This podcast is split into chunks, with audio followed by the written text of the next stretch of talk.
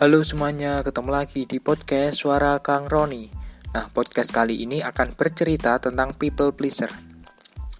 Apa itu people pleaser?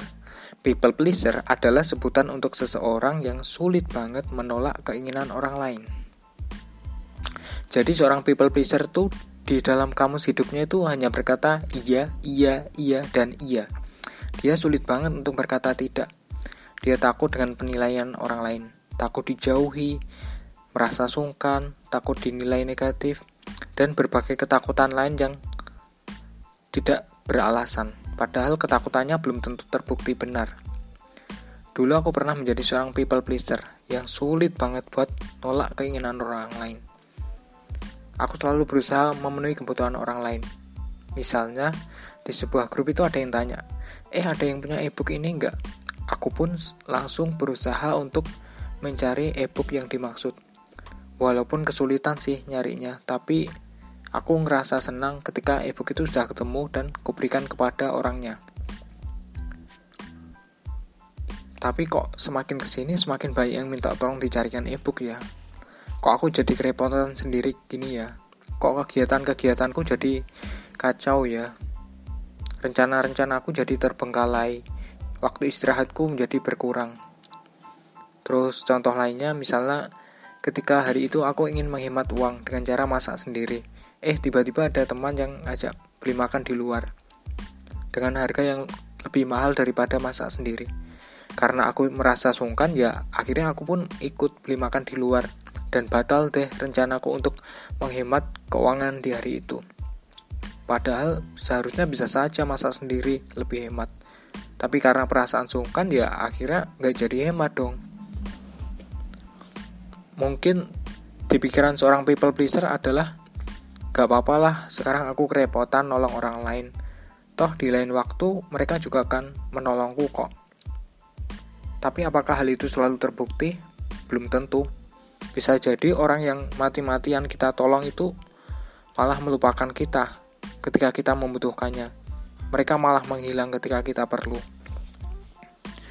Sebenarnya tidak ada yang salah dengan menolong orang lain menolong orang lain itu perbuatan yang baik. Tapi kita juga harus bisa melihat situasi. Apakah kita sedang memiliki waktu luang untuk menolong orang lain ataukah kita sedang sibuk dan ada beberapa urusan yang harus dikerjakan saat itu. Jangan sampai karena kita terlalu memaksakan diri buat nolong orang, akhirnya kita lupa untuk nolong diri kita sendiri. Jangan sampai karena kita beralasan ingin menjaga hati orang lain, sampai kita lupa kalau kita juga punya hati yang harus dijaga. Kita juga perlu istirahat, itu hak dari tubuh kita. Jangan sampai memaksakan diri untuk memenuhi keperluan orang lain, tapi ujung-ujungnya kita jadi jatuh sakit gitu. Kita tidak akan otomatis menjadi orang jahat hanya karena kita tidak bisa menyenangkan semua orang. Karena di hati kita itu sudah ada niat mulia untuk menolong dan itu termasuk ciri-ciri orang yang baik gitu loh. Dan lagi pula kita juga nggak akan pernah bisa nyenengin semua orang. Karena setiap orang itu keinginannya beda-beda. Apa pun yang kita lakukan kepada orang lain akan selalu ada orang yang tidak suka sama kita akan selalu ada orang yang mungkin nikung kita dari belakang gitu. dan kita tidak akan menjadi orang yang jahat hanya karena kita berkata tidak. Karena berkata tidak itu perlu untuk kita lakukan sebagai bentuk ketegasan kita, sebagai bentuk pemberitahuan atas ketidakmampuan kita dalam melakukan sesuatu. Ingat ya, waktu dan tenaga kita itu terbatas. Jadi jangan maksain diri untuk melakukan hal-hal yang tidak kita perlukan melakukan hal-hal yang tidak kita inginkan hanya karena ingin menyenangkan semua orang. Itu adalah hal yang sangat konyol sekali. Ya mungkin memang tidak mudah sih untuk mengubah kebiasaan dari selalu berkata iya, iya, dan iya menjadi berkata tidak. Tapi aku yakin kita semua bisa melatihnya.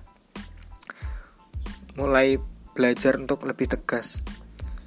Misalnya kita apa ya misalnya ada teman yang minta tolong kepada kita dan kebetulan kita sedang punya kesibukan lain yang harus dikerjakan saat itu juga ya katakanlah maaf ya aku belum bisa nolong karena aku ada urusan ini karena aku ada kesibukan ini.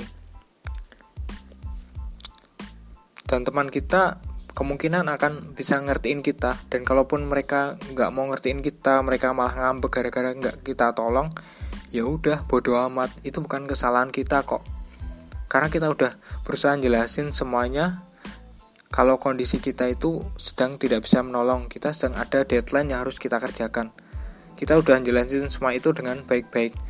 Toh, masalah respon orang lain itu adalah sesuatu yang di luar kendali kita.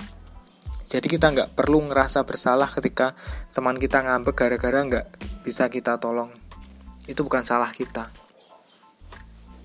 Jadi, mulai sekarang belajarlah untuk berkata tidak untuk hal-hal yang tidak bisa kita lakukan, untuk hal-hal yang tidak kita inginkan, untuk hal-hal yang hanya merugikan diri kita sendiri. Dan Belajarlah untuk bersikap bodoh amat terhadap respon orang lain, karena kita tidak perlu menghabiskan energi untuk memikirkan sesuatu yang tidak bisa kita kendalikan, salah satunya respon orang lain. Ini tidak mudah, tapi aku yakin kamu bisa melakukannya secara perlahan-lahan. Kamu bisa belajar untuk menjadi orang yang lebih tegas. Selamat mencoba ya, sampai jumpa di podcast selanjutnya.